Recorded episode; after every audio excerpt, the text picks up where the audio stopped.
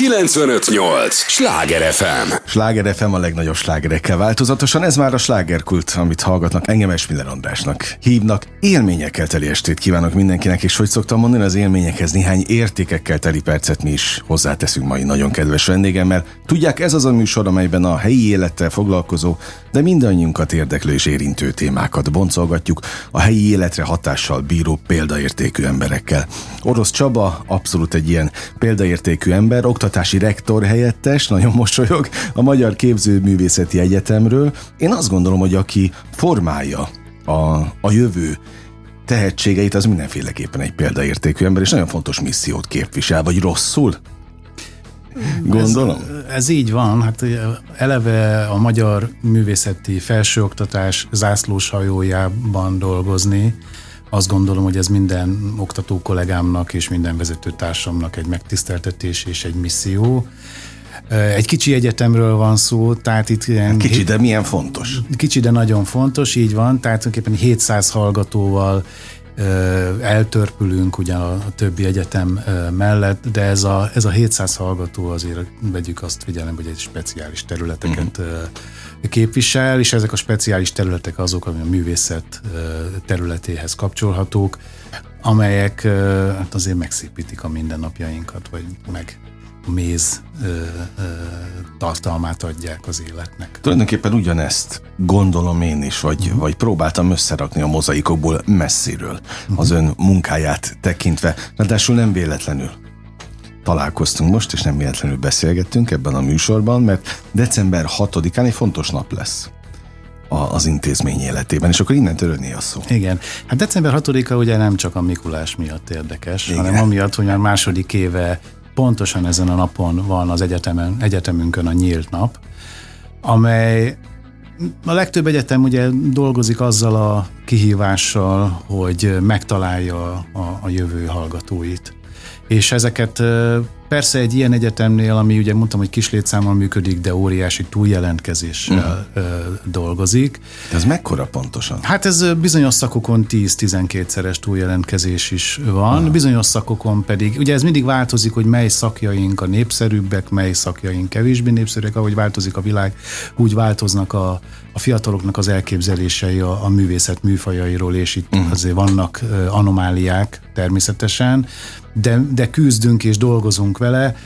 Ilyen például az, hogy a, a klasszikus szobrászművés szak is egy kicsit kikerült a fiatalok érdeklődéséből, talán a, a, a nehéz fizikai munka jellege miatt, ezt nem tudom, ezt azért mm. így, így azért nem állítanám, hogy pontosan ez az oka, de itt is próbálunk olyan új területeket bevonni, Jelen esetben egy, két olyan specializációt indítunk a 2024-es tanévtől, amely, amely talán a fiatalok érdeklődését átformálja a szobrász szakmáról. Az egyik az alkalmazott szobrászat, amelyben már kép, a filmipar képviselőivel is tárgyaltunk, és tulajdonképpen olyan ö, díszlet is, kellék, szobrászat és maszkmesterség kerülnek be a szobrász tevékenységekbe, amelyek nagyon-nagyon magas felkészültséget igényelnek, egészen korszerű technikákat igényelnek, és nem utolsó sorban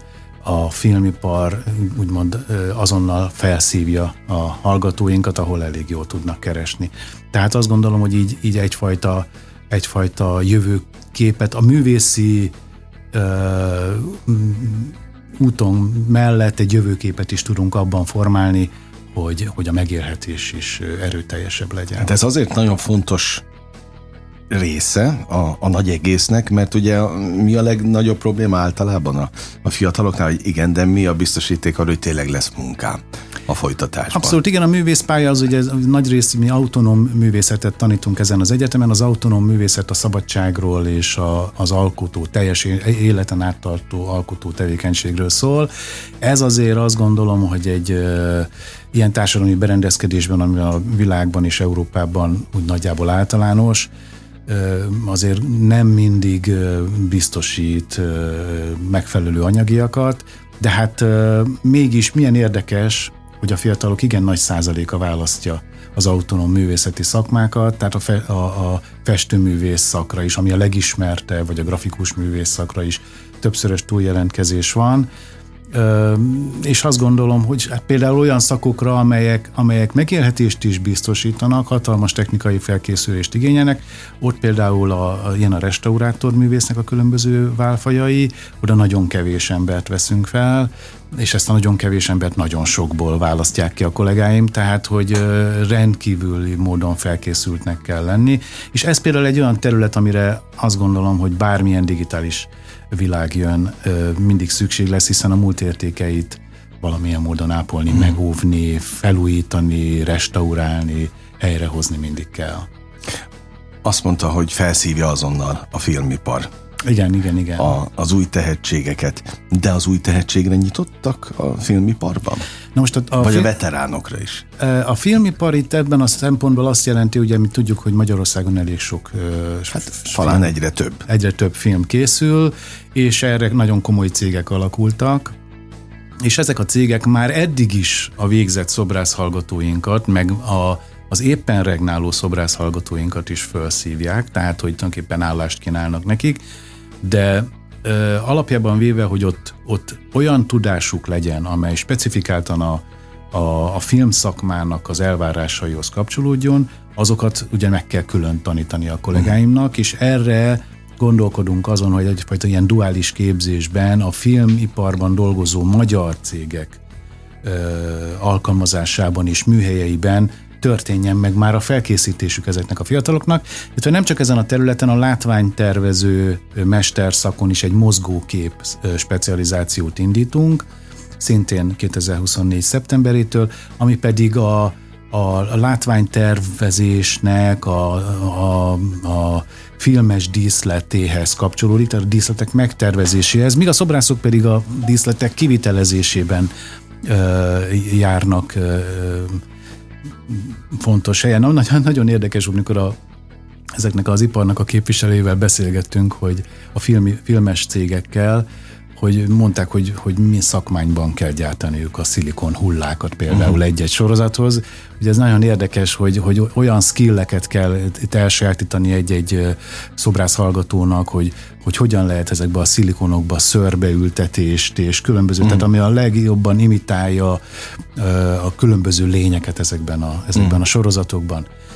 Na persze ne, is, ne feledkezzünk el arról sem, hogy a többi szakunkon is azért nagyon sok megújulás várható. Ugye a digitális világ elterjedésével a 3D-s technikák kezdenek el egyre erőteljesebb szerepet vállalni. Ez jelen van a szobrászképzésben is, a 3D-s technika, jelen van a látványtervező képzésben, és hát jelen van a, van egy új szakunk, ez a, ez a Fine Art, tehát ez a nemzetközi uh-huh. nevén, amely tulajdonképpen egy ilyen egy ilyen komplex vizuális művészeti szakként indult el tavaly, és hát ugye ez, ez azért lényeges, mert hogy, hogy ez ebben nagyon hasonlítunk az európai a világ más szintjén lévő képzés típusokban.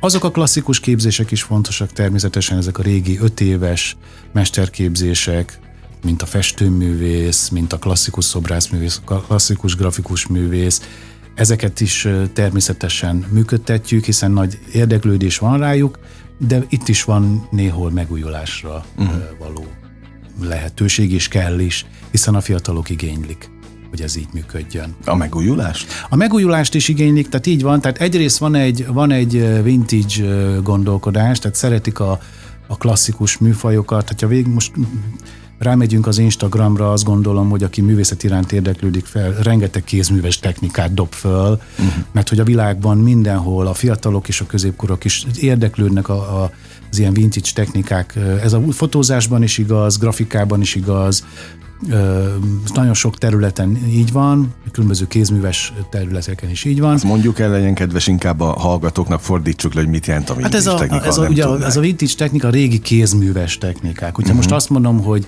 a fotográfiát mondom példának, akkor ugye mindenki számára egyértelmű a, a mobiltelefonján a digitális fotó, uh-huh viszont ugye az idősebbek emlékeznek még a papír alapú képekre, és még vannak, akik arra is emlékeznek, hogy ezeket a papír alapú képeket akár saját kezüleg is elő lehet hívni, sőt, magát a negatívot sem biztos, hogy celluloid szalagra készülnek, hanem vannak olyan ilyen régi technikák, amikor üveglapra, zselatin felületre visznek föl kép, kép módozatokat. Tehát azt gondolom, hogy ezek, és a grafikában is így van, hogy a, a digitális nyomtatás az mindenki számára ma már egy ilyen gomnyomás egyértelmű, hogy a nyomtatómba, a printerembe kinyomtatok egy képet, ami tetszik, de a klasszikus grafikában, a sokszorosító grafikában az, hogy részkarccal találkozunk, hogy litográfiával, ami több mint 200 éves műfaj, vagy akár fametszettel, amely meg több ezer éves műfaj,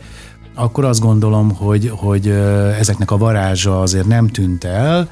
Lehet, hogy a modern technikák halványítottak rajta, de ezek, ezek azért jelen vannak. És nagy visszatérve a nyílt napra, hogy visszakanyarodjunk, uh-huh az a nagyon lényeges, hogy a nyílt napunk egyfajta nyitott műhely nap is.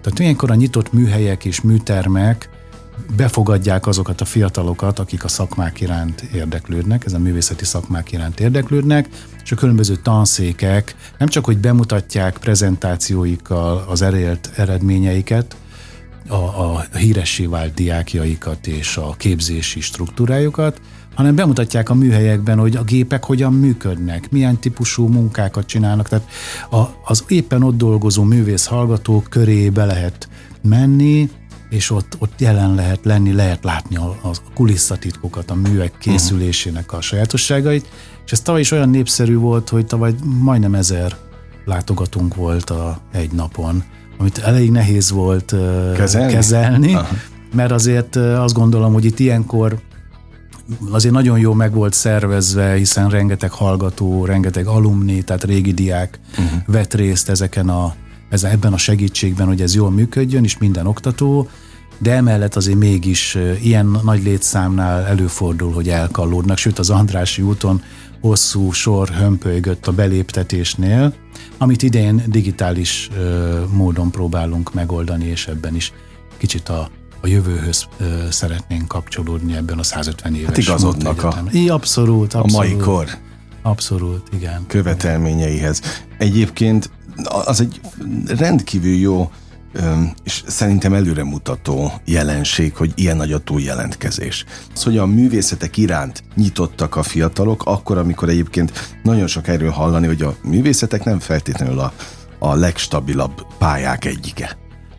Hát így vagy van, területek egyike. Így van, viszont ez a világban megfigyelhető, hogy főleg a művészeti középiskolai, tehát középszintű képzés az megalapozó lehet a bármilyen szakmába, vagy bármilyen tudomány területre tovább tanuló fiatalnak.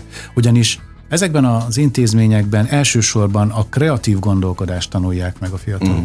És ez a kreatív gondolkodás, ez jól jöhet később egy mérnöknek is.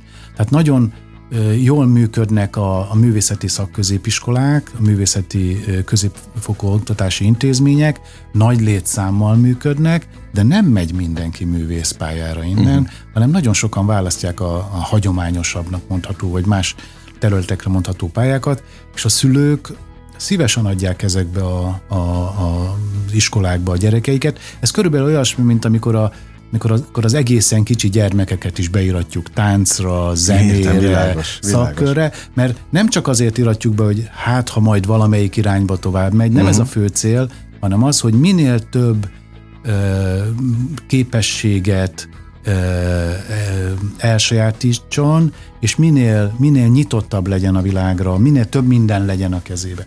Egyébként a Magyar Képzőszét Egyetem képzésében is arra törekszünk, hogy, hogy a hagyományt megtartva az új dolgokat párhuzamosan hozzuk be, és akkor azt jelenti, hogy minél több dolog legyen a, a hallgatóink kezébe, tehát a klasszikus rajzolás legapróbb, legtökéletesebb megvalósításától a digitális uh-huh. technológia legújszerűbb megoldásaiig, mert egy művész akkor tud igazán a közönségéhez legjobban leg, szólni, ha, ha a, a, a tartalomhoz, amit ő kitalál, a lehető legtökéletesebb és legadekvátabb formát találja meg, és ehhez benne van a kezében a lehetőség, hogy képes vagyok megoldani plastikai formai megoldásokkal, képi, akár digitális, akár bármilyen más módon ezt a uh-huh. ezt a történetet. Sláger FM a legnagyobb slágerekkel változatosan, ez továbbra is a slágerkult, amit hallgatnak. Örülök, hogy itt vannak Orosz Csabának is, nagyon örülök. Oktatási rektor helyettes, aki a Magyar Képzőművészeti Egyetemet képviseli, nem véletlenül beszélgetünk, hiszen december 6-án, szerdán 10 órai kezdettel nyílt napot tart az intézmény, és ahogy hallgattam, hogy hallgattam az előző blogban, azon gondolkodtam, hogy aki egy ilyen műhelyben, ami tulajdonképpen egy olvasztó tégely, uh-huh. dolgozik, megszokja, hogy tehetségekkel találkozik? Tehát egy-egy új, mondjuk nevezük így ős tehetséget látva, még fel tud csodálkozni? Abszolút. Rá tud csodálkozni az emberekre, vagy, vagy azért ez a munkájával jár?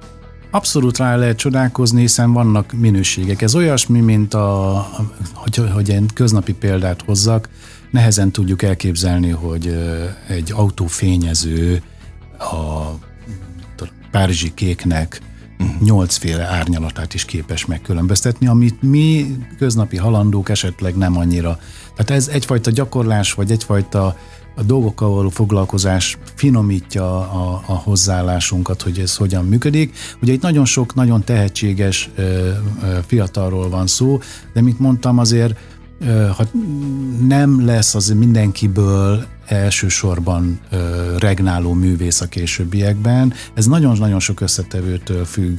Függ a családi háttértől, függ a, a, a, a, az élet bármilyen olyan dolgától, ami eltérítheti, de azért mindig vannak olyan, olyan, olyan különleges esetek, amikor, amikor már látják a kollégák, hogy na, valaki ugye sok-sok díjat nyer, Magyarországon is és külföldön is egyre több területen sikeres, de alapjában véve nem biztos, hogy ez, az, ez a fő célunk, hiszen, hiszen vannak olyan területek, amire ez nincs, nincs rá mhm. hatásunk a későbbiekben. Tehát sok olyan előfordul, és ez valószínű, hogy minden más területen is így van, hogy a befektetett energia ott van, a hallgató is csinálja, de lehet egy olyan életesemény, vagy bármi, ami, ami révén nem lesz belőle akkora ö, sikeres ember, illetve olyanokat is tudunk, vagy tud a, a média is ismeri őket, akik, akik nem a képzőművészet területén futottak be, de mégis a képzőművészethez is valamilyen módon úgy kapcsolódnak, hogy ott végeztek.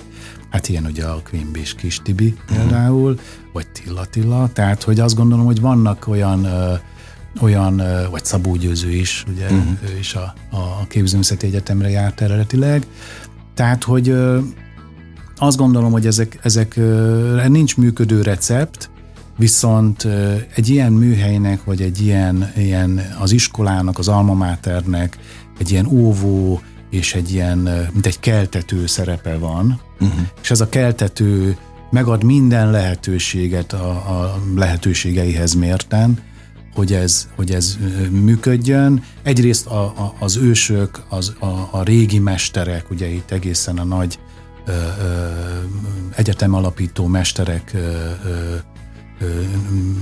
től kezdve a mai, mai mesterekig, akik oktatnak a különböző művészosztályokban, tehát megadják azt, hogy van egy ilyen facilitátor jelleg, egy ilyen támogatása a fiataloknak, és ott az öt év, amit végig tudnak alkotással, fejlődéssel, szakmai töltekezéssel dolgozni, és aztán természetesen nyomon követjük őket alumniként, segítjük őket, ameddig lehet, megpróbáljuk betagozni őket valamilyen módon, terelgetni őket, hogy megtalálják a, a boldogulásokat.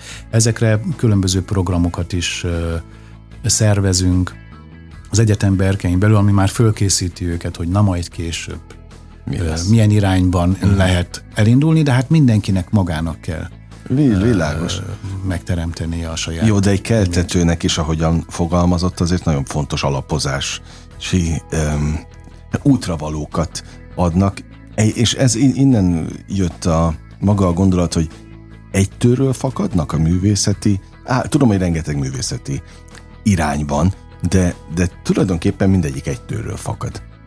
Tehát van valami hihetetlen belső Na micsoda, motiváltság? Hát, önki, hát egyrészt, egyrészt az önkifejezésnek az a belső vágya, illetve maga... Hát valami szenvedély, biztos, Így van, meg a maga a kreativitás, amiről ugye egyébként azt tartja a, a, a pedagógia és pszichológia tudománya, hogy egy, egy önmagából kiinduló, önmagát gerjesztő, a végcélját is magában rejtő ö, létforma kreatívnak lenni, uh-huh. és ez minden, mindenkivel vele született, csak a művész az a speciális ember, aki valahogy valamilyen módon jobban ráérez ennek a, a kibontására, uh-huh. ennek a lehet, hogy az, az élet vezeti arra, ez, ez a karmája, hogy, hogy divatos szóval is uh-huh. éljünk, de, de tulajdonképpen, tulajdonképpen ez, hogy kibontakoztassa a saját alkotó erejét, és ez az alkotó erő az a szerencsés, minél tovább egy ember, egy alkotó ember életében minél tovább jelen van, és ez a hétköznapi ember életében is nagyon-nagyon fontos, mert ez az alkotó kreativitás, ez a minden, minden napjainkban jelen van. Én egyébként pedagógiai kutatással is foglalkozom, és egy kreativitással, és hát ott nagyon lényeges alap alaptézisként van, hogy azt elfogadjuk, hogy az ember önmagát építi uh-huh. egy egész életen át, és az önmaga értékeit kell, hogy fölismerje, sosem kívülről várva a, uh-huh. a, a, megerő, a megerősítést az lehet kívülről várni, de minden megoldást kívülről nem lehet várni, és ez a fajta, ez a fajta életminőség, ez az alkotó életminőség, ez azt gondolom, hogy nagyon komoly egy életen mhm. keresztül uh-huh. megy. Ezek szerint a kreativitás az nem feltétlenül csak a művész érzékkel rendelkező egyéneké. Abszolút nem így És van. És mennyi, mennyire vagyunk kreatívak úgy általában? Hát ö, ö, annyira vagyunk kreatívak, amennyire elfogadjuk, hogy, hogy bennünk van ez. Tehát én azt hmm. gondolom, hogy a hétköznapi kreativitás és a művészek kreativitás közé ö, nem nagyon lehet ö, ö, különbségjelet tenni, uh-huh. mert egy, egy, egy, egy rádióműsort vezetni ugyanolyan kreatív tett, mint, mint megformálni egy, egy szobrot vagy egy tárgyat. Uh-huh. Csak az időtartalma az, az nem lényeges. Ugye sose, ez van ilyen naív kérdés sokszor, hogy mennyi idő alatt készült el a mű. Igen. Teljesen mindegy, mert hogy, mert hogy lehet egy zseniális művet másodpercek alatt is létrehozni, de azt nem tudjuk, hogy előtte az meddig akkumulálódik a tudatban, meddig, meddig készül föl rá, míg azt a, azt a pillanatnyi teljesítményt kiadja magából, és van olyan is, amikor egy, egy szobrász például hónapokig, vagy akár évekig uh-huh készít egy, egy műtárgyat, és ez ebben sokkal lassabban kulminálódik ez a fajta kreativitás, és ugye itt van egy fogalmi zavar sokszor a, a tehetség és a kreativitásról, hogy a kreativitás az mindenkiben jelen van, a tehetség viszont az egy nagyon speciális, unikális elem, annak egy része a kreativitás. Másik része egy nagyon-nagyon nagyfokú tudás, amit ugye kialakít és felhalmoz valaki, és ne felejtsük el, hogy a motiváció a harmadik legfontosabb uh-huh. eleme, és ezek nélkül egyszerűen ezeknek a szintézise vagy összeállása nélkül nem lesznek olyan nagy láng tehetségek. Uh-huh. Tehát ezért van az, hogy egy ilyen művészeti intézményben szinte mindenki kreativitásában a lehető legjobban kifejlődik, viszont kevesek lesznek azok, akik, akiket tehetségeknek nevezhetünk igazán, mert ez még azért nem elég, hogy volt ez a három elem, van még három másik tényező is, az, az iskola, amit mi próbálunk uh-huh. megadni, egyrészt aztán a, a család és a környezet, ahonnan jön valaki, és amilyen környezetbe tér vissza, és hát a társak, uh-huh. akivel, akivel a, a, az informális tudást cserélik folyton és folytonosan egymástól. Tehát, hogy mennyire támogató a privát abszolút környezet is. Így van, abszolút így van. Hát ismerünk ugye ilyen ö, történeteket azért, hogy a, a zseninek kikiáltott fiatalokból, hogy milyen módon lehet valaki egy egész életen át, tud-e egész életén át keresztül uh-huh. zseni maradni? Hát ez nem, nem... Na, nagyon jó, hogy témánál vagyunk, mert ugyanez forgat itt a fejem, hogy ha már megkérdeztem, hogy hozzá lehet-e szokni a nagy tehetségekhez, ott bent a, uh-huh. az intézményben. Nyilvánvalóan, hogyha figyelik a, az onnan kikerülő emberek életútját, van, vannak úgynevezett elkallódott olyan tehetségek, akikért fáj a szívük? Tanárként? Persze, persze, hiszen ahogy az élet területén, minden területén van olyan, hogy az emberi, emberi gyengeségek. Tehát, vagyis én ennek nevezem az emberi gyengeségeknek. Nagy művészeknél, ugye a művészet történetet is figyeljük, hogy mik, melyek voltak azok a gyengeségek, azok a devianciák, vagy függések, addikciók, amelyek lehet, hogy egy pillanat, egy, egy darabig segítették az alkotó munkát, de egy idő után gátjává váltak, és a saját sírjukká változtatták ezeket. Tehát milyen, persze ez nagyon nehéz, ez a mi lenne, ha, hogy mi lett volna, ha uh-huh. nem Kérdéskör, tudom. igen. Az egy nagyon lényeges dolog, hogy a művészek életükben nagyon hosszú ideig nagyon hatalmas energiákkal dolgoznak. És most itt ezek az energiák ilyen szellemi energiák, talán kicsit ilyen szakrális irányból megközelítve a dolgot, és hát azt gondolom, ezek az energiák nagyon sokszor elhasználják ezeket a, uh-huh. ezeket a művészeket.